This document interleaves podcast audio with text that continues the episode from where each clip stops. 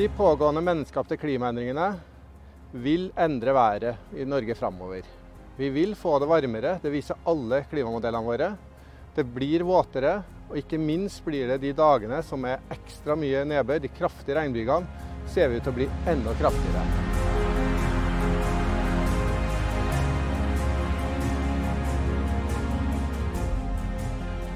Havet stiger også. Vi ser det at det stiger allerede, og det kommer til å stige framover. Og det kan gi oss en utfordring med kysterosjon eller med infrastruktur ved land, spesielt i stormflo.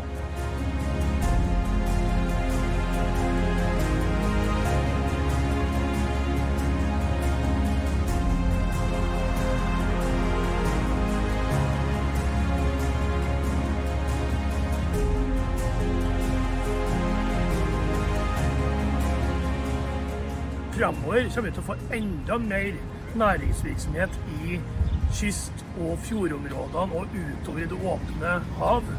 Det kommer til å stille krav om at vi har en stadig sterkere beredskap.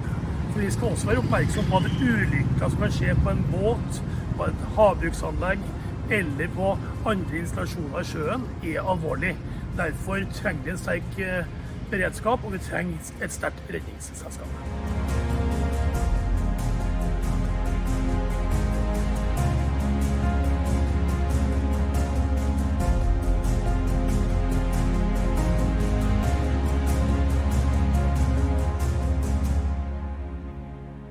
Mer vi klarer å kutte utslippet av drivhusgasser, jo mindre ekstreme blir endringene. Hvis vi klarer dette i balanse, bygge opp en god beredskap, kutte litt utslipp og ta en god klimatilpassing, så går vi for en klimarobust framtid.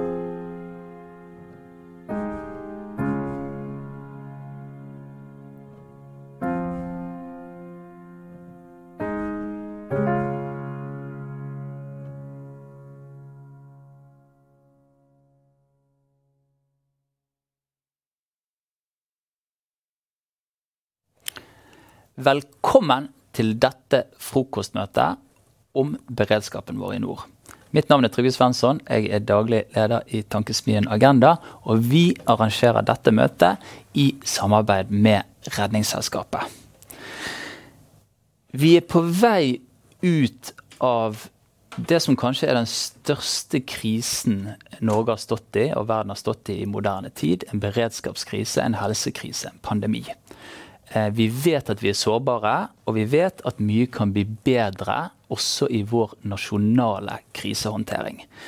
I dag på dette møtet er vi særlig opptatt av beredskapsutfordringene våre i nord. For som Rolf Jacobsen har skrevet, det meste er nord. Vi har veldig spennende gjester, ledende aktører og tenkere innenfor beredskapsarbeidet i Norge pluss stortingspolitikere fra de rød-grønne partiene. Eh, og vi har nettopp sett en film som viser noen av de utfordringene vi står overfor.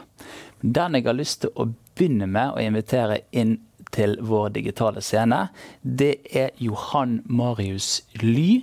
Eh, som er altså avdelingsdirektør for forebygging og sikkerhet på Direktoratet for samfunnssikkerhet og beredskap. Johan Marius, er du der? Jeg er her. God morgen til deg. Takk det samme. Er det fint vær i Horten? Ja, Det er jo et sånt vær som vi er vant til å ha her i Norge. Det blåser og det regner og det er egentlig litt sånn halvufyselig. Ja, ja, men det går jo rett inn i tematikken vår. Eh, jeg har lyst til å begynne å spørre, for at du jobber jo, eh, dere jobber jo mye med krisescenarioer. Dere jobber med å forberede egentlig hele samfunnet og mange ulike etater på de forskjellige krisene som kan oppstå. Siden dette handler mye om Nord-Norge, er, er, det blitt travlere, mer aktivitet langs kysten i nord? Altså, det, er jo, det, er jo, sånn at Helt generelt så står jo sjøtransporten for omtrent eh, ja, det er vel ca. 90% av import og eksport av de godsmengdene vi bruker i Norge. I tillegg omtrent halvparten av all innenlands godstransport. Og så er det en veldig stor verdiskapning knytta til havet og kysten. Olje, gass, fiskeri og ikke minst turisme når vi etter hvert kommer ut av pandemien. Så vil alt dette bidra til at vi kan se en, en økning i, i skipstrafikken fremover. Eh, det er jo et ønske om å legge til rette for mer transport på sjø også. Mm. aktivitet trekker nordover. Så ja, det er en økende tendens. Og når dere eh, For scenarioer det er en av arbeidsredskapene deres. Eh, når dere jobber med det, hva, vil, hva er et type krisescenario for nord som, eh, som, som, selvfølgelig kan skje, da, siden dere eh, utvikler det? Ja, det, det, vi har gjort, at vi har jo analysert eh, ca. 25 ulike hendelser gjennom da, det som heter analyser av krisescenarioer. Det spenner egentlig over et ganske vidt spekter. Pandemi er en av de hendelsene, f.eks.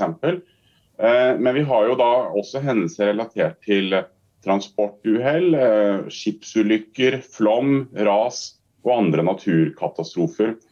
Og så er det sånn at Disse analysene må jo da følges opp av de ulike sektormyndighetene når det gjelder å bygge beredskapen. Men vi bruker disse også som utgangspunkt for store nasjonale øvelser som mm. kommer nå til neste år. Arctic Rain, eh, Barents Rescue. Som begge har eh, scenarioer å ta utgangspunkt i den maritime trafikken og fokusere på samhandlingen mellom flere aktører. Nettopp sånn at vi skal være forberedt, eller så forberedt vi kan være på å håndtere de store og uønskede Og Hvis noe går galt i nord, hva er det som virkelig kan gå galt?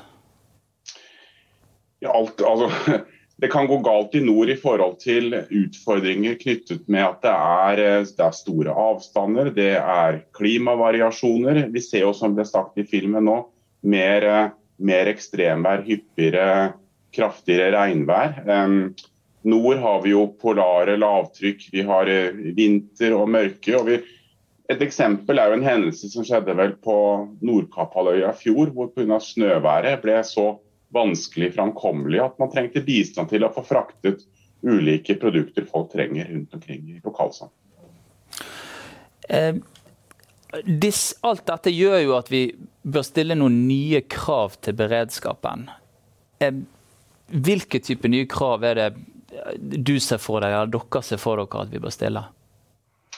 Altså det Vi gjør fra DSBs side at vi bidrar med nasjonale oversikter og vi legger til rette for hendelser for å bidra til at man kan gjennomføre nasjonale øvelser, trene beredskapen og identifisere forbedringer. Så må jo de ulike sektormyndighetene og kommunene ta tak i det for å se hvordan bygger vi best en, en lokal beredskap. Det jeg tror er kanskje det viktigste, er at vi må legge til rette for et, at vi blir enda bedre til å samarbeide. Enda bedre til å utnytte ressursene, sånn at vi klarer å på en måte samle og mobilisere hvis vi skulle få de virkelig store hendelsene. Ja, det, det, er interessant at du sier, for det vet jeg er viktig for de neste gjestene våre òg. Eh, helt til slutt, er det sånn at dere tenker eh, det har jo vært diskusjon om vi var godt nok forberedt. Er det sånn dere tenker at dere bør rope enda høyere, sånn at Norge kan være enda forberedt på neste krise? For hvis det er noe vi vet, så er det at det kommer en ny krise. Jeg tenker Det vi har gjort gjennom analyser av krisescenarioer, publiserer dette, legger til rette for at vi kan eh, bygge øvelser sammen med alle aktører som er nødt til å trene sammen. Jeg tror det er det viktigste bidraget vi kan, kan, kan levere. for å si det sånn. Og så har jeg lyst helt til slutt på at vi, vi må ikke glemme at vi i de store hendelsene at hver enkelt av oss har et ansvar for vår egen beredskap. Bortfall av det vi snakker om her, bortfall av energi, bortfall av strøm. Og sørge for at vi og hver enkelt av oss har tilgjengelig det vi trenger knytta til vann, eh, varme og mat eh, tilgjengelig hvis det skulle bli en stor eh, uønsket hendelse. Johan Marioli, tusen takk for at du var med oss denne morgenen fra Horten, og en riktig god dag videre. Takk for det. Bare hyggelig. Da har jeg lyst til å gå videre til dere. Velkommen Rikke Lind, generalsekretær i Redningsselskapet. Takk skal du ha. Og velkommen til deg òg, Are Thomasgaard, som er en del av LOs valgte ledelse. Eh, LO-sekretær, eh, som jobber mye med beredskap i LO. Takk skal du Eh, jeg har lyst til å begynne med deg, Rikke hvis jeg kjenner deg rett, så har du sikkert uh, Du har sikkert et eller annet krav du har lyst til å stille til politikerne? Bare ett. eller to. Ja, eller tre. Takk. Jeg har flere utfordringer uh, til politikere, absolutt. Og hvis vi skal bare starte der uh, Johan Marius Ly avsluttet. For at når du får økt trafikk, du får mer vær så utfordrer det kapasiteten. Og Det merker vi i Redningsselskapet. Nå har vi fått to nye, nye redningsskøyter av sittende regjering på Øst-Finnmark. Det er veldig bra, det har økt kapasiteten der. Men vi merker at fartøyene våre blir for små i de utfordringene de står i nå. Cruisetrafikken kommer med større hyppighet, den trekker seg lenger nord. Fiskerifartøyene blir større. Og fritidsbåtflåten den øker dramatisk, og det er vi glad for. Altså, det er jo kjempefint at flere er ute med fritidsbåt og kajakker osv. Så, videre. så det totale bildet at det blir veldig mye økt aktivitet fra mange, innen mange segmenter, og mye mer dårlig vær, da er vi ikke godt nok forberedt. Og beredskapen bør bli bedre. Altså, Redningsselskapet, dere er jo en kjent aktør i Norge. Veldig mange har et forhold til dere. Men kan du bare beskrive for oss altså, hva, er en vanlig, hva er en vanlig uke i Nord-Norge for Redningsselskapet? Hva er det som kan, kan skje? Ja, Den forrige uken så var det, det er hendelser hver dag. Vi går ut eh, på et eller annet oppdrag hver eneste dag. I Nord-Norge så er det stort sett eh, oppdrag mot fiskeflåten å gå ut og få slept eller dykke på eh, noen som har kommet i, i propellen. Dette er jo store verdier. Det står om liv. Men det er også store verdier for fiskere. For hvis de eh, går glipp av fangsten, mm. så er dagens, eller kanskje ukas fortjeneste borte. Så det er veldig mange oppdrag knyttet til det. Men også ser vi økt aktivitet fra seilere. Eh, som tar eh, seilturen lenger nordover, som vi hjelper. Vi har samhandling med andre beredskapsaktører. Mm. Vi har en politiavtale som vi går ut på oppdrag med.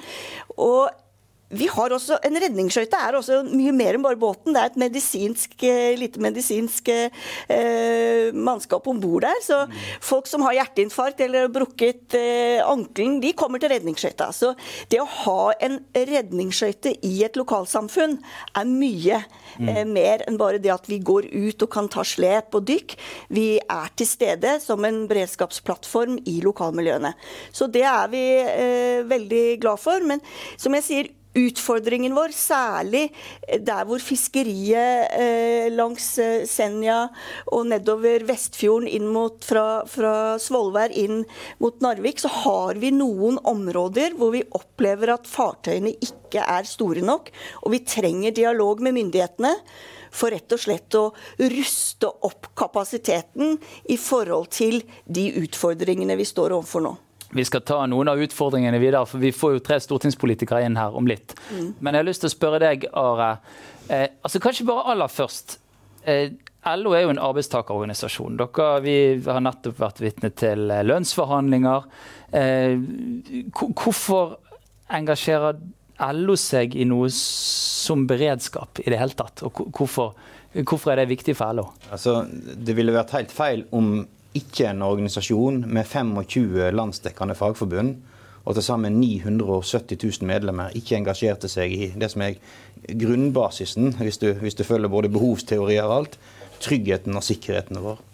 Vi har medlemmer i Fagforbundet, LOs største forbund, i alle kommuner. Det gjelder brann og redning, det gjelder innenfor helsesektoren.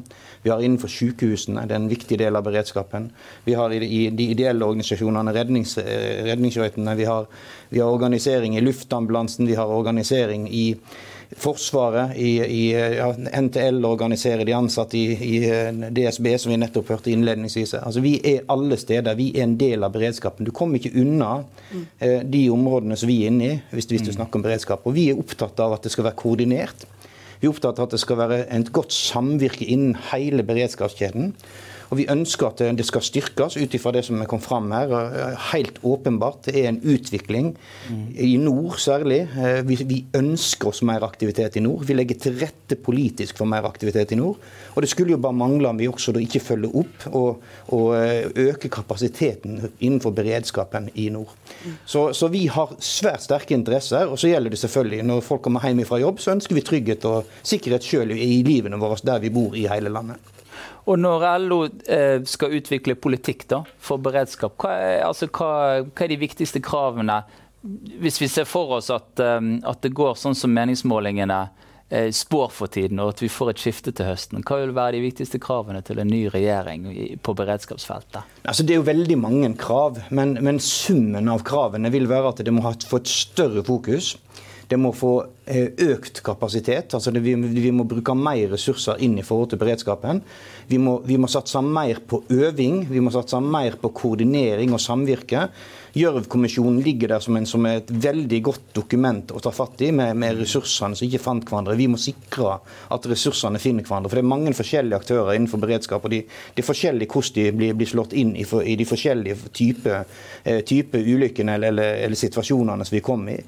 Så, så, her må det være nok ressurser, det må være gjennomtenkt, det må være gode planverk. og Vi har jo vært blant de som får samla alt dette, har tatt veldig sterkt til orde for en totalberedskapskommisjon altså som ser på den totale beredskapen samvirke. Det har blitt blankt avvist av den sittende regjeringen. Det er noe av det første vi kommer til å løfte opp og så, så få, få en ny regjering på banen på. Jeg ser det nikkes fra Rikke her. Ja, veldig glad. Jeg er helt, helt enig i det du sier. Og eh, det å ha en totalberedskapskommisjon hvor man setter seg ned og ser på hvordan man kan samvirke sammen, hvordan kan samhandlingen øke.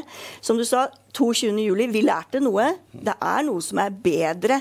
Bl.a. har politiet og Redningsselskapet en avtale som gjør at politiet har 52 redningsskøyter stående til å kunne frakte ut sitt mannskap. Vi kan ikke i Norge, med så lang kyst, vi har verdens nest lengste kyst, lite befolkning. Vi kan ikke ha politi, helse, brann, eh, beredskap liggende oppover. Vi kan ikke bygge parallelle ressurser. Mm. Vi må bygge ressurser som kan utnytte hverandre, og plattformer som kan snakke sammen. Og digitaliseringen, mm. datadeling, gir kjempemuligheter her. Og det håper jeg du også tar med i, i den beredskapstenkningen. Det er ressurser, kapasiteter, større redningsskøyter.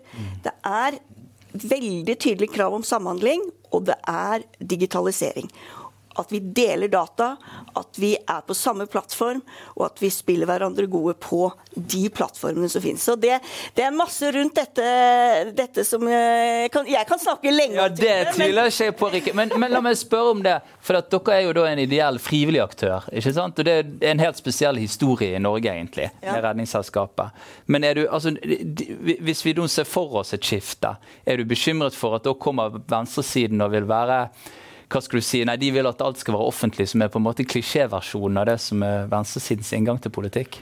Jeg blir oppløftet når jeg hører det LO sier nå, for jeg har litt bekymringen knyttet til det. At man blir for opptatt av eh, profesjoner Mm. Og, og, etater og ansvar. Vi, og, og, der har vi jo mange direktorater og tilsyn og kommuner og brannsjefer. Så det å skape den kulturen for samhandling, og det er derfor den totalberedskapskommisjonen er veldig viktig, hvor, hvor den får et tydelig fokus på at her skal ressursene finne hverandre. Det beste for Norge, det beste for din og min trygghet. Det, det er musikk i våre ører, så det ser vi fram til. Nei, det, det, er helt åpenbart vi må spille sammen. og Det, det er en veldig stor innsats. Jeg syns vi, vi, skal ta tid og tid også i, i, programmet til å berømme alle de som jobber frivillig, og som jobber inn i beredskapen. Mm. Bruker både fritid og egne ressurser for, for å være en del av det. Norsk ja. Folkehjelp osv. Ja. Redningsselskapet. Ja. Men det vi er opptatt av i LO, det er at det må være en grunnplanke der, en offentlig grunnplanke som, som har kapasitet til å være med og koordinere og, så, og så gjøre det slik at vi får uttelling. At den fantastiske frivillige innsatsen den ideelle innsatsen som blir gjort, at, den, at, den, at, vi, får, at vi, får, maksimalt ut av den. Det syns jeg alle de som står i det, fortjener. Og da må Vi ha, vi må ha sterke offentlige beredskapsinstitusjoner også, som, som er med oss. Og så må vi, må vi, må vi ha gode planverk, sånn, sånn, at vi finner hverandre. At det her er noe vi både øver på, noe som, noe som når situasjonen det, jo, det, handler jo veldig mye om å prøve å tenke seg det utenkelige. Sant? Det er jo ingen som venter i ulykker. Da, da hadde vi jo forberedt den eller prøvd å forhindre den. Men, mens vi, de må, vi, må, nødt til å være så forberedt som mulig på det, det som er veldig vanskelig å forberede seg på. Jeg selv har, har en opplevelse fra 1993 i Odda det dundrer ned 360 000 tonn med snø eh, rett, rett ved siden av boligfeltet. Det er 1000 som går med eldre damer som, som, som omkommer det, Vi så i Gjerdrum nå. sant? Det, det, det, er utenkelige situasjoner som oppstår. Da må kapasitetene være der. Da må de være drilla på, på, at de skal jobbe sammen. Og Der så vi det gode samspillet som var mellom gode offentlige tjenester, NVE, eh, som er en del av beredskapen, politiet, og ikke minst den frivillige innsatsen som ble gjort i Grop oppe i Gjerdrum. Så jeg, jeg, tror vi må trekke lærdommer ikke bare av det som ikke fungerer, men også av det som fungerer. For det er mye som fungerer også. Og det er jo masse rom for hva skal du si, andre poli type politiske dragkamper i dette. Eh, altså det er jo eh, eh LO er jo vel f.eks. ikke så begeistret for deler av ABE-reformen. som eh, også sant, altså, vi, er ikke, ikke begeistret for den i hele tatt. Det er ingenting mer noe jeg er begeistret for. Og den jo, går jo også ut, eh, utover beredskapen. Eh. Defin, definitivt. altså Det er et ostehøvelkutt. Og nå er det ikke ost igjen å høvle, men de fortsetter å høvle. Da, da går de med tallene, for å si det sånn. Mm. Så, så den, den, det er en sånn blind politikk. Vi må ha politikere som tør oss å styre, og som ikke gjemmer seg bak sjablongreformer. Ja, det er jeg helt eh, enig i. Vi, vi, trenger tydelig, tydelig, politisk ledelse med visjoner og mål. Og, eh, vi har jo lenge i Redningsselskapet snakket om dette beredskapsdepartementet, og vi ønsker oss også en beredskapsminister. For vi så den lille tiden vi hadde det, at det fungerer veldig bra. Nå er vi kjempefornøyd med den jobben Monica Mæland som, som justis- og beredskapsminister må gjøre, men vi tror at det å ha tydelig fokus på og ansvar for samhandling Eh, i beredskapen, det er et, eh, et, viktig innspill fra oss. Men Trygve, ja. kan jeg få lov å bringe inn et uh, tema til før Absolutt. klokka går for oss? Vær så god. og Det er kanskje noe som handler spesifikt om nord, siden det er det som er hovedtemaet. Ja. ja. Fordi at Jeg gikk gjennom uh, drukningstallene. og det er et område hvor vi virkelig trenger et samarbeid og en grunnplanke. Alt fra svømmeopplæring til sjøvettopplæring. I Nord-Norge så druknet det de siste fire årene 64 mennesker. I Norge så har drukningstallene Vi hadde en stor økning i 2019, og så har det gått ned, men det har ligget ganske stabilt. Og I Nord-Norges andel står for 17% av de druknede i Norge, mens de har 9% av befolkningen. Så er det sikkert noen naturlige forklaringer, fordi det er eh, mange som bor langs kysten, og man bruker kysten mer aktivt. Men la oss lage en tydelig visjon om at det skal bli null drukninger. Den nullvisjonen vedtok Stortinget for to år siden i forbindelse med sjøsikkerhetsmeldingen, men det ble ikke fulgt opp av regjeringen med en konkret opptrappingsplan. Vi har sett på veitrafikken. Trygg Trafikk fikk 54 millioner i fjor i bevilgning til forebygging. Vi vet at dødsulykkene på vei har gått ned. Og det å jobbe med eh, holdninger, kunnskap, ferdigheter fra du er eh, nesten bare i skolealderen, barnehagen, og oppover helt til, til du er voksen mann, for de er faktisk overrepresentert, det virker. Det virker å gjøre et krafttak på forebygging. Vet du, Redningsselskapet fikk to millioner i fjor til å drive forebyggende aktiviteter. Så det er nok en utfordring som jeg må ta videre til stortingspolitikerne. Nullvisjon, og kanskje spesielt i nord, siden der er problemet aller størst. For det er, jo, altså det er jo utrolige ting som har skjedd på trafikkulykker i dette landet. Mm. Vi er jo tilbake på ulykkestallene fra 50-tallet, selv om trafikken er enormt mye større. Mm. Men er det realistisk at vi kan få til noe det samme på sjøen, tror du? Det er realistisk. Vår visjon er at ingen skal drukne. Vi vet at det å forebygge hjelper. Det, det får tallene ned. Jeg, altså I et tidligere liv så var jeg trålfisker i Nord-Norge.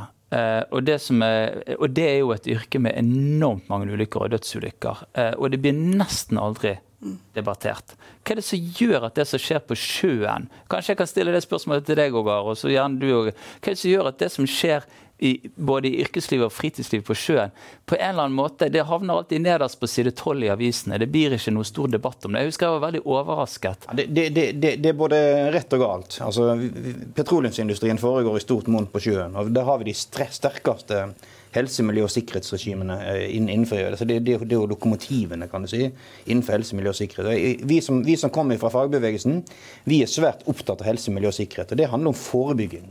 Og det, det, er klart at eh, hvis, hvis, ikke vi forebygger, hvis ikke vi har fokus, og hvis ikke vi klarer å få det ut blant folk som er i risikosonene, ja vel, så, så vil, det, vil, hendelsene inntreffe. Det, det, er, det er tyngdelov, det. Så, så, det er helt klart at vi, vi, skal, vi, skal, være med, vi skal se på det, skal være med og trykke på i forhold til det. Og vi syns det er et godt arbeid som har vært gjort i forbindelse med Trygg Trafikk. Mm. Vi har mange, mange, som ferdes i yrkeslivet på, på, på veien, mm. har det som yrket sitt. Det er fordi det er også en økt sikkerhet. Og det samme vil det være for alle de medlemmene vi har på sjøen, hvis vi, hvis vi er med og bidrar til å sette fokus på dette. Så det skal vi være med på. Jeg syns det, det, er veldig bra dere løfter det opp. Rikke? Takk, sier jeg da. Hvis LO og Redningsselskapet er på lag og sender den utfordringen veldig tydelig til eh, de rød-grønne politikerne som nå kommer inn, sett kraft bak nullvisjonen. Mm. Sett, sett tydelig mål om at Nord-Norge skal ikke være overrepresentert i denne statistikken. Det er flest som dør fra fritidsbåt. Det handler om kunnskap, holdninger og selvfølgelig tilgjengelig beredskap. Men sammen klarer vi dette. Det er jeg sikker på. Siste spørsmål før vi slipper til stortingspolitikerne. Eh, alle snakker om samhandling, alle snakker om samarbeid. Det, blir, altså det kan fort bli et sånt, et sånt type ord som altså hvem, hvem er det som ikke nikker til samhandling, hvis dere forstår? Hvordan konkret får det til å skje? Da, da, er vi tilbake igjen til der jeg starta. 25 landsdekkende fagforbund. De aller fleste har en eller annen fot innenfor eh, beredskapskjedene. Vi er garantisten for at det blir samhandling. For det er folkene våre, det er de som er organiserte, det er de som står ute i verdikjedene. Det er de som faktisk gjør, altså som utfører beredskapen. Og de er opptatt av samhandling. Og da kommunene ifra, så er ikke jeg i tvil om at det også, også eh, vil bli gjennomført. Men da må vi ha politikere som tar det på alvor, og som, som ikke, ikke er økonomidrevne, men som er beredskapsdrevne. Ikke? Nei, jeg er helt enig. Vi må ha tydelige politiske mål. Eh, og er eh, Valgkamp er en anledning både for de rød-grønne og de blå å si tydelig hva vil de levere på beredskap. Vi er etter vår mening ikke godt nok forberedt. Vi trenger nye satsinger i tråd med at det blir økt trafikk, det blir mer vær. Og vi har ikke nok ø, kapasitet til å møte de utfordringene. Så vi må ha politikere som har ambisjoner, og jeg gleder meg til å høre de som kommer inn nå. Og jeg gleder meg til å høre andre, og Redningsselskapet kommer til å være på og spørre alle som stiller til valg, hva vil dere gjøre for at Norge er beredt når neste krise kommer? Are, siste spørsmål til deg. Altså, og Dette er et agendaspørsmål som jeg stiller i alle debatter jeg er med i. Eh, det er jo noe annet som gjør Norge til et trygt samfunn. Det er at vi, er, eh, at vi har høy tillit. Eh, og etter mitt syn så henger det sammen med at vi har små økonomiske forskjeller. Hva er det noe du har lyst til å løfte inn i valgkampen? Ja, definitivt. Og vi må løfte det inn. For vi, altså, vi, vi, vi, må, vi, må, skjønne vårt eget samfunn. Vi må skjønne hva som virker. Ta, ta sånn som pandemien nå. Sant? Nå har den slått ut i hele landet så er det slik at Sykelønnsordningen er faktisk en viktig del av beredskapen. Det er at du har inntektssikring. Så når eh, myndighetene sier at du skal holde deg hjemme, ja vel, så kan du holde deg hjemme fordi at du går ikke til grunne økonomisk ved å holde deg hjemme. Så smittevernrådene blir fulgt i Norge fordi at vi har inntektssikring som gjør det mulig, og fordi at vi har tillit altså den komprimerte lønnsdannelsen som vi i bresjen for med frontfagsmodellen og den måten vi, vi, vi avgjør lønnsspørsmål i Norge. Dvs. Si at vi har, vi har mindre avstander. Det begynner å bli store avstander. Det begynner å øke i Norge også. Og det må vi, det må vi ta på alvor. for Hvis avstandene blir for store, så kommer tilliten til å gå ned. Og da er det igjen spørsmålet vil folk lytte. Vil vi være like gode på samhandling dersom tilliten imellom folk, imellom folk og myndigheter begynner å forvitre? Det tror vi ikke vil, vil være tilfellet. Derfor skal vi være på vakt. Og Det er en av de viktigste grunnene jeg tenker til at vi trenger et regjeringsskifte. Vi trenger en, en, en, regjering som tar på alvor og så tar ned forskjellene, ikke øker forskjellene. Rikke, jeg skal ikke be deg snakke om regjeringsskifte, men, eh, men, jeg kan jo si noe, stille deg et spørsmål om frivillighet i Norge. Og at det er jo en grunn til at eh, frivilligheten i Norge er i en særstilling. Den er veldig høy. Eh, og at det henger sammen med modellen, samfunnsmodellen vår. Den er veldig høy, og Redningsselskapet er politisk nøytral. Vi stiller på møter med, med Høyre-politikere, og vi stiller her med, med, med venstresiden. Så det er bare helt klart. Vi er, vi er, avhengig av frivilligheten. Altså, 26 av våre redningsskøyter bemannes av frivillige. Vi klarer... Det, selv om de er så avanserte? Ja. Det er avanserte fartøy til 10-15 eh, millioner kroner. Du må ha opplæringssertifikater. En frivillig må dedikere mye tid for å, å få lov å være frivillig. Så, så det, det, er fantastisk det som legges ned. Og bare en sånn liten ting som, som bare viser at politikerne ikke helt tar det på alvor. Når en frivillig går ut i et SAR-oppdrag, løper fra jobben, så ta, får man tapt eh, arbeidsinntekt. Så det er et lite håndslag som jeg syns myndighetene kunne gi, som vi ba Stortinget om, gi de som løper fra jobben, tapt arbeidsfortjeneste. For det frivilligheten trenger å bli sett og gi anerkjennelse mer enn gode ord. Jeg kan egentlig bare stryke spørsmålene mine til politikerne. For jeg må spørre både om, både om samhandling og tapt arbeidsfortjeneste. Og om, eh, og og om drukningsulykker. Ja. Um, uh, la meg bare uh, si uh, La meg bare spørre, stille altså, Helt til slutt til deg, Are. Når, når, du nå får, når nå får tre rød-grønne politikere inn i studio, hva, hva er det viktigste budskapet ditt til dem? ta oss og samarbeid allerede nå. Altså Vær, vær tydelige, vær koordinerte i forhold til beredskapspolitikken. Altså, jeg, tenker det at det alternativet som de rød-grønne utgjør fram mot valget, det må komme tydelig fram. Hva ønsker en å gjøre? Og så spille sammen. Ikke, ikke, ikke ikke kom på kryss og tvers. Spille sammen i beredskapspolitikken. Beredskapspolitikken må vi spille sammen på. Det er noen ideologiske forskjeller som kommer til å utgjøre en forskjell over tid i regjeringskontorene målt mot de som sitter i regjering i dag, men vi må være koordinerte på venstresida. Så det du ønsker deg, det er rett og slett flere rød-grønne fellesutspill? Ja, så større fokus på, på beredskapen. Det, det, det er ingen, ingenting en skal ta for gitt. Eh, beredskapen må en pleie hele veien. Det er ferskvare. Samtidig som det, samtidig som det er, er, viktig at vi hele veien bygger kunnskap og samhandling på, på området. Hva vil du si Ala, til, til, de rød-grønne politikerne? Hva, hva, det er jo valgkamp, så det er jo, eh, det er jo eh, tiden for løfter. Eh, Gi oss det samme som Trygg Trafikk. Gi oss 50 millioner, så skal vi få drukningstallene ned. Det er supert. Eh, da, eh, det, jeg tror jeg har bitte litt tid igjen. Eh, ellers så, så, ønsker jeg eh, stortingspolitikere. Der, der, ser jeg de kommer inn i studio. Tusen takk, Rikke og Are, for at dere var med oss. Hei. Hei. Og nå har vi altså fått eh, mange utfordringer. og inn i studio får jeg eh, Cecilie Myrseth, som er stortingsrepresentant for Arbeiderpartiet i Troms. Jeg har Torgeir Knag Fylkesnes, også fra samme fylke, og nestleder i SV. Og Sandra Borch, også fra Troms. Så det er tre ledende politikere fra Nord-Norge. Velkommen skal dere være. Takk. takk.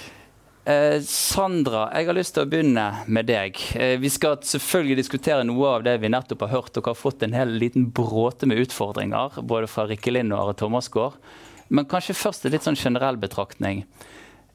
Eh, beredskap er viktigere enn noen gang. Altså Hvis det er noe det siste året har lært oss, så er det betydningen av samfunnssikkerhet. Samtidig, når velgere blir spurt hva er den viktigste saken i valget, så er det sjelden at beredskap troner øverst. Hva, hva er grunnen til at det, at det ikke er en større politisk sak, at det ikke er mer politisk trøkk i det? på en måte?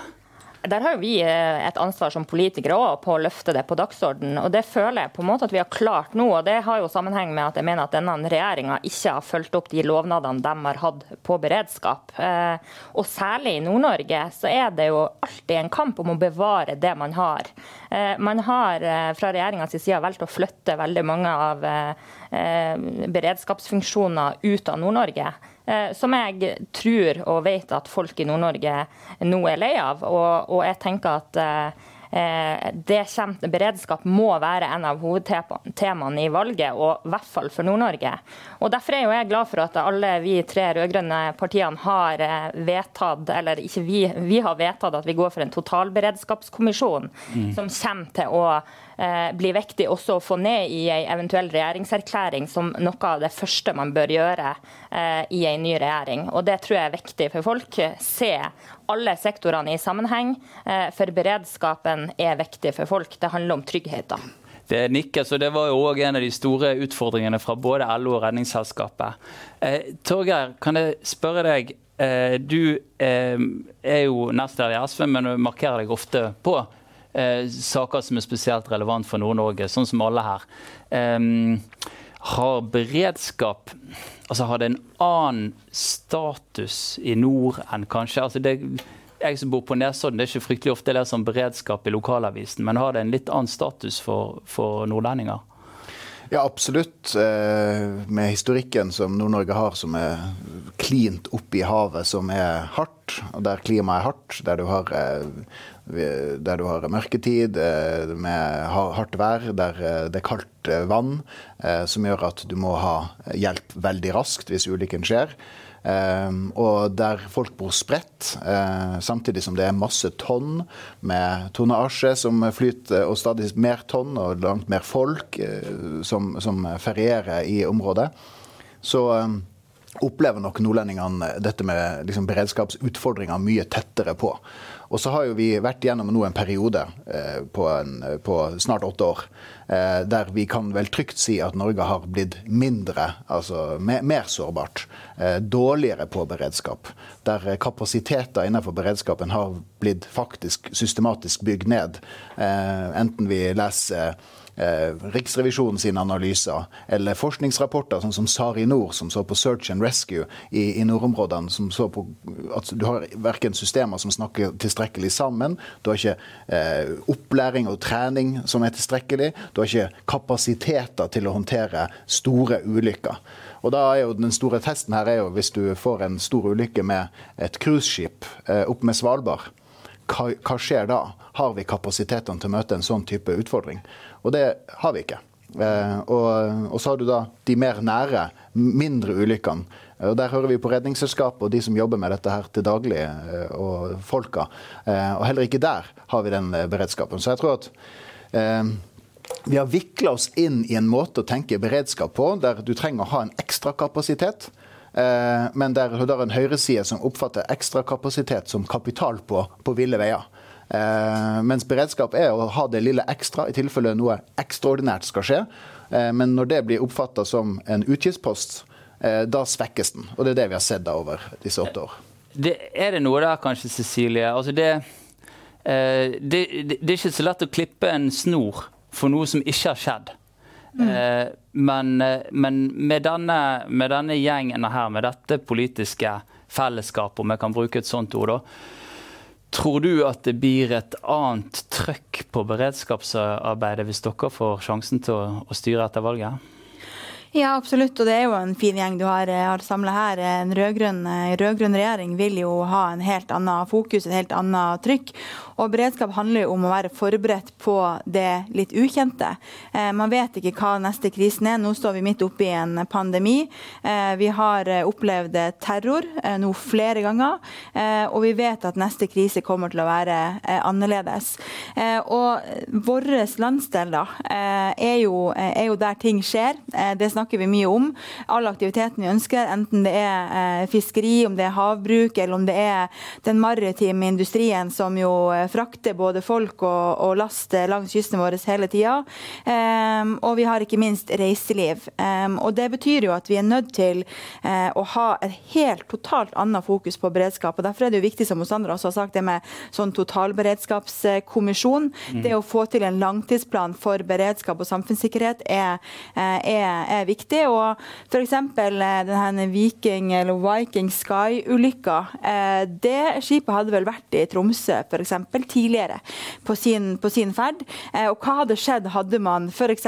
havarert lengre nord, hvor det er mer værhardt, eh, det er mindre folk, eh, det er mindre kapasitet. Og Det er den type ting vi er nødt til å forberede oss på. Vi kan egentlig bare slå fast at hvis det blir et skifte, så blir det en totalberedskapskommisjon, og at det kommer ganske kjapt. Ja. Eh, ja, men Det er interessant. Altså, Dere fikk jo flere utfordringer fra Rikke Lind. Eh, Kanskje spesielt, også en, en, ting som Redningsselskapet også har vært opptatt av, er jo dette med den økte trafikken i nord. Mer trafikk rundt Svalbard osv. Vi vet at på veiene i Norge så er det jo sånn at politiet kan stenge en vei hvis det er for usikkert. Den typen grep har de ikke på havet. Det er mye mindre klare regler. Har du noen tanker om det, Sandra? Ja, det er klart at med den, den økende trafikken som man også merker i nord, særlig rundt uh, turisme, Eh, og det er kanskje turister som kommer inn eh, til Nord-Norge som ikke kjenner de klimatiske utfordringene som er, er, der veldig godt. Og vi har jo dessverre sett en del ulykker i det siste som også har hatt dramatiske konsekvenser. Eh, så det er klart at det å bygge opp hele den totale beredskapen i Nord-Norge, det er noe vi sårt eh, trenger nå, og da innenfor alle områdene. Og så vil jeg òg slå et slag for... Men, for det med turisme, det er kanskje ikke alle som har fått det med seg, men Tallene der er jo helt vanvittige. Dere har 10% økning hvert år i ti år på rad. Altså det er en Tromsø, da, som er jo en eh, by av en viss størrelse, men det, det, det på en måte, bare på ti år så er det bare blitt en totalt transformert by fordi det er så mm. mye tilstrømming av turister. Ja, og det, og det er jo i utgangspunktet bra, eh, men da må også beredskapstjenestene følge, følge, etter. Og Vi ser vi har eh, vinterturisme, vi har sommerturisme. Det skjer både til fjells og til vanns, for å si det sånn.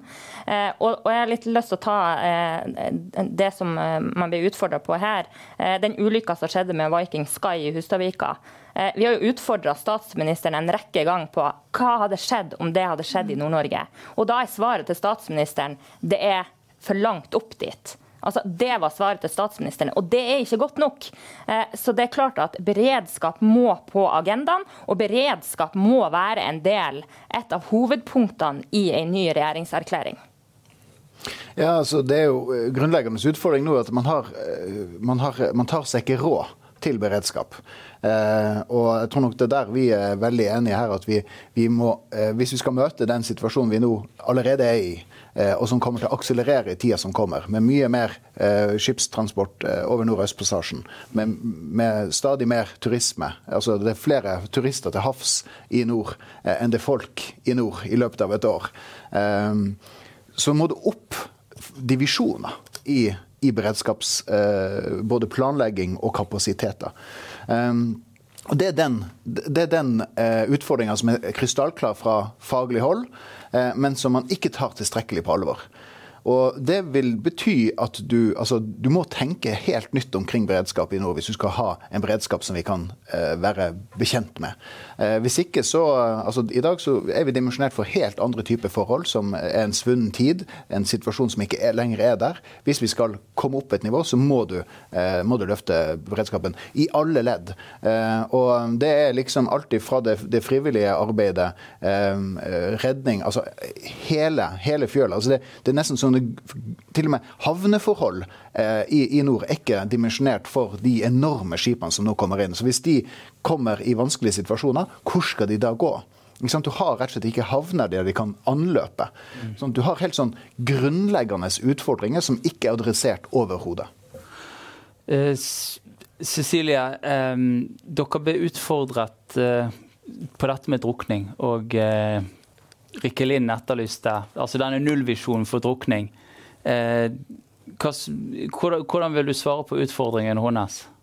Altså Oppfølginga av det det ligger jo nå på regjeringa sitt, eh, sitt, bord. Eh, det er jo de som har hatt også i arbeidet med sjøsikkerhetsmeldinga eh, etter den ble, enn den ble vedtatt. Og Det er selvfølgelig en veldig viktig, viktig visjon, og da må man også være villig til å gjøre noen også upopulære grep. Altså F.eks. når vi behandla det, så, så foreslo bl.a. Arbeiderpartiet det med promillegrense. Og det skjønner jeg jo at for enkelte er jo det upopulært å si at man skal, skal på en måte senke promillegrensa til, til det som eh, man har på vei. Eh, samme, men, men, eh, men, det mener jeg jo at, at man f.eks. Burde, burde gjøre. og Det å ha sikkerhetsutstyr osv. Og, og som det også er nevnt her, altså én ting er jo fritidsbåter og sånt. Nå er det nok sikkert enda større trøkk på akkurat det mm. når du kommer ut i fjorden her i Oslo. Men, men, men du, vi har også veldig mange, ikke bare turister om bord på cruiseskip, men det er veldig mye fisketurister. Vi har mange fiskere som fisker i små eh, fartøy, eh, som kanskje også er, gammel. gamle. Eh, og, eh, og, det tenker jeg at vi eh, må selvfølgelig ha en nullvisjon på, på drukning i hele landet, men også særlig i nord. Men når det kommer til promille, der er det kanskje ikke full rød-grønn harmoni når det kommer til promillegrense på havet? Jeg vet ikke hva du tenker om det, Sandra? Jo da, jeg mener jo at forebyggende tiltak som, som det Cecilie nevner her, er, er viktig. Og så handler det om at man har en god infrastruktur på plass. Eh, I tillegg så må du være sikker på at hjelpa kommer når du trenger den. Fordi at ulykker vet vi jo skjer. Eh, så da er, å, da er Kystvakta nødt til å ha helikopter som kan eh, ha en viss rekkevidde til å dra ut til sjøs.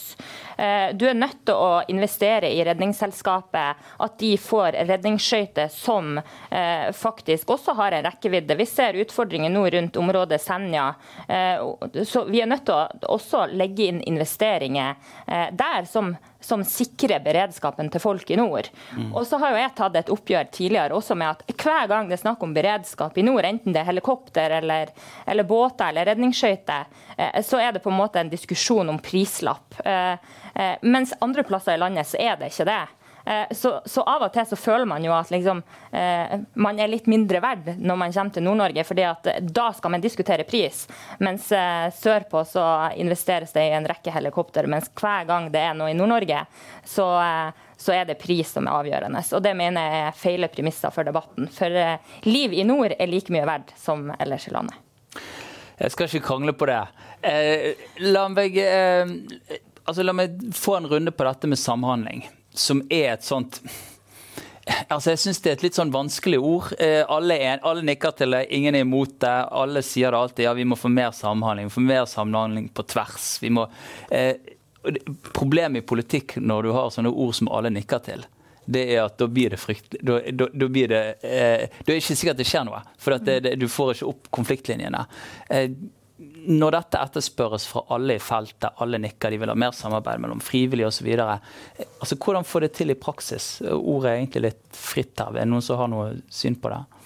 Ja, altså det, er jo, det, det, det, er jo, litt vrient for eh, politikere, spesielt i opposisjon, å løse. Det vi kan, det er å finne en post eh, på statsbudsjettet og si at den er altfor lav, nå må vi øke den. Men eh, det å få ulike typer systemer til å funke sammen, eh, ressurser som skal finne hverandre, meldingssystemer som er koordinerte, eh, at alle har den samme måte, situasjonsforståelsen, at du lager systemer for det, som vi vet er en kjempestor utfordring for hele beredskapsarbeidet, hele hovedredningssentralen, hvordan de jobber ut mot alle de aktørene osv. Hvor, hvor mange hull det er i det systemet, og det er vi veldig klar over. Det er det er, eh, det er, vanskelig for oss i opposisjonen å liksom gripe tak i, annet enn å si nå må dere rydde opp i dette her. Men det, jeg tror at det at det har gått så utrolig tregt, det er problemstillinger som overhodet ikke er ny, eh, og det går veldig langsomt, viser at her har det ikke vært prioritert. Fordi at Hvis eh, ansvarlige statsråder virkelig har lagd trøkk på dette, her, så ville vi jo eh, nødvendigvis har sett mye raskere framdrift enn det det er i dag. Så det, det, det er nok mer et sånt tegn på at dette er et område som eh, ikke er så viktig. Eh, og, og, det er nok den, den, følelsen veldig mange langs kysten også sitter og har en følelse av, at, at det ikke er så viktig for sittende. Det er òg et område der det politiske ansvaret altså Det har vært åtte ministre på åtte år. Det òg har kanskje påvirket. Men, men La meg spørre, eh, det, det, som Redningsselskapet var litt bekymret for, og det er kanskje spesielt til dere på venstresiden, det er jo at en frivillig, ideell aktør eh, skal, fremdeles skal kunne ha en stor plass i beredskapen med sin. Hva tenker dere om den bekymringen? Eh, kan ta deg, Cecilie, først, og så ja. Eh, ja, selvfølgelig skal de ha det. Uh, og det er veldig viktig å legge til rette for de frivillige aktørene i, i, uh, i beredskapen. Det offentlige skal ikke ta seg av alt? Altså, det, det, er ikke sånn at venstresida har, sånn, uh, har allergi mot private eller ideelle eller frivillige organisasjoner. Det er jo en, en myte. Det handler jo om litt andre ting. Men, men, men, selvfølgelig skal også f.eks. Redningsselskapet og, og, og, andre frivillige organisasjoner være en, fremdeles være en veldig viktig del. Det er en helt avgjørende del i, i vår sånn, totale beredskap beredskap. Men om jeg bare kan også si kort til det, til det store spørsmålet ditt egentlig om det med, det med, det med samhandling og hvordan skal du få det til. Og det handler om ledelse. Eh, altså når vi, hadde, vi har hatt Gjørv, vi har hatt, eh, vi har hatt flere, vi har hatt Riksrevisjonen og flere rapporter som har, har peka på beredskapen. Vi har en regjering nå som har eh, gått til valg to ganger på, på, eh, på beredskap, eh, og som overhodet ikke har levert. Eh, og man, som du sier, man har hatt åtte ministre. man har pulverisert ansvaret for, for beredskapen. og det er direkte farlig om man ikke har god ledelse på beredskap. For det er jo der det starter. Samhandling handler om å starte alltid med ledelse. Og nå eh, er det eh, ikke sånn. Så, eh, så jeg tenker at regjeringa og Erna Solberg har floppa fullstendig på sine viktigste valgløfter. Så deres tre partier var jo regjeringspartiene når, altså I år markerer vi det ti år siden 22.07. Eh, og det markeres på mange forskjellige måter gjennom landet. Og fremdeles så er ikke Gjørv-kommisjonens sterke anbefalinger kvittert ut. Eh, for Arbeiderpartiet er det selvfølgelig en sak med en, en ja, hva skal vi kalle det, en helt spesiell status, men egentlig for hele dette politiske fellesskapet så vil det være en sterk sak. Hvordan har dere tenkt eh, Jeg kan ta både SV og Senterpartiet. Hvordan vil dere kvittere ut utfordringene fra Gjørv-kommisjonen? Nei, Jeg opplevde det som en sånn enighet tverrpolitisk om at etter Gjørv-kommisjonen så var det en form for eh, år null. Nå skulle man liksom tverrpolitisk være enig om å kjøre ut tiltak. Så blir det brukt av ulike partier veldig i valgkampen at den sittende rød-grønne regjeringa var håpløs på beredskap, nå skulle det ordnes opp i. Men det vi har sett, og bl.a. Riksrevisjonens gjennomgang av det arbeidet der, eh, enten det er objektsikringsrapporter og, og, og andre typer rapporter som har kommet, er jo at det, det er jo nesten ubehjelpelig lite som har skjedd man har latt det arbeidet mer eller mindre ligge. Altså Man ligger seks år etter de, de lovpålagte fristene som man sjøl satt.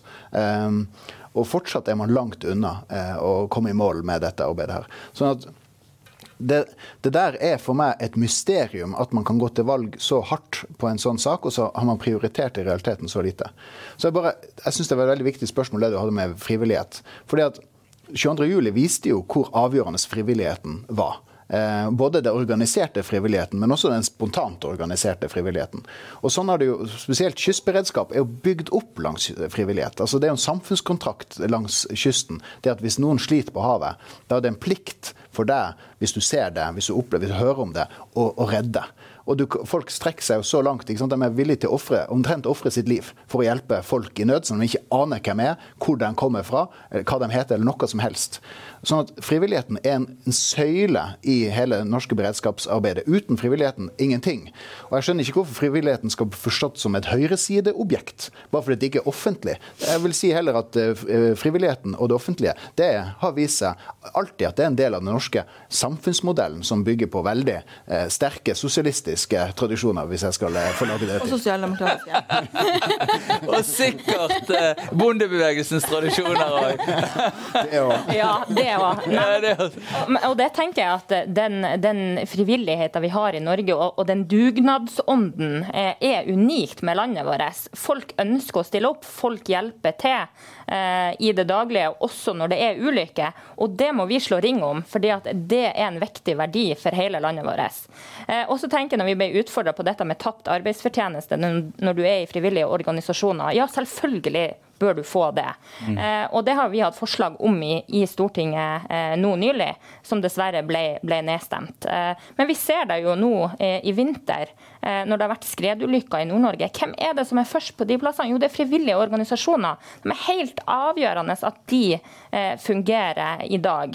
Mm. også når du snakker om samhandling, som vi starta denne bolken med da så tenker jo jeg at Svaret vårt der er denne totalberedskapskommisjonen som skal se på alle områdene. Som skal se på politiberedskap, helseberedskap, eh, beredskap på sjøen, matberedskap. Og så nå denne pandemien vi har vært i når vi ser på vaksineberedskap. Altså Alle disse, eh, disse beredskapselementene bør ses på i en sånn kommisjon. Og Det har jo vi fremma forslag i Stortinget om nå nylig, som dessverre ble nedstemt, men som fikk støtte av Arbeiderpartiet og SV til slutt. Så jeg tenker jo at det er en, en, et viktig, konkret punkt som jeg tror eh, også denne pandemien har lært oss at eh, det, det, er viktig å få ned en sånn kommisjon som peker ut veien de neste, neste årene på hvordan vi skal håndtere beredskapssituasjonen i Norge bedre. Så hvis jeg forstår det riktig, så OK. Vi, det er ti år siden 22.07. Vi fikk Gjørv-kommisjonen. Vi har fått Riksrevisjonens rapport. Vi har fått andre rapporter om mangler. Pandemien traff oss, det var varslet, men allikevel så var vi ikke forberedt. Det store rød-grønne svaret her det er en bred nedsatt totalberedskapskommisjon som så må følges opp med politikk i løpet, ganske kjapt da, i løpet av stortingsperioden. Det tror jeg først, og så Cecilie. Altså, det er veldig mange, jeg tror eh, en sånn totalberedskapskommisjon, sårbarhetskommisjon, hva, altså hva vi kan ende med å kalle det, blir viktig. Men jeg tror at vi, vi vet veldig godt hva som, er, eh, hva som er riktige tiltak nå for å eh, høyne beredskapen på veldig mange områder. Sånn at vi ikke lager oss en kommisjon som vi venter på. Og det tror jeg ikke eh, noen av oss heller ønsker. Sånn at, det vil vi, komme mye politikk allerede første høsten? Det, det, altså, det er liksom, det er bare å ta hele rekka fra, fra kystberedskap, Forsvaret sine kapasiteter, politiet sine kapasiteter, helsevesenet, jordbruk osv. Allerede så ser vi jo Eh, blant de rød-grønne partiene en klar eh, linje der vi er enige om en rekke ting eh, som vil ha betydelige beredskapsforsterkinger i tida som kommer. Og Så må man jo se dette i sammenheng, og ser man om at det funker alt det der.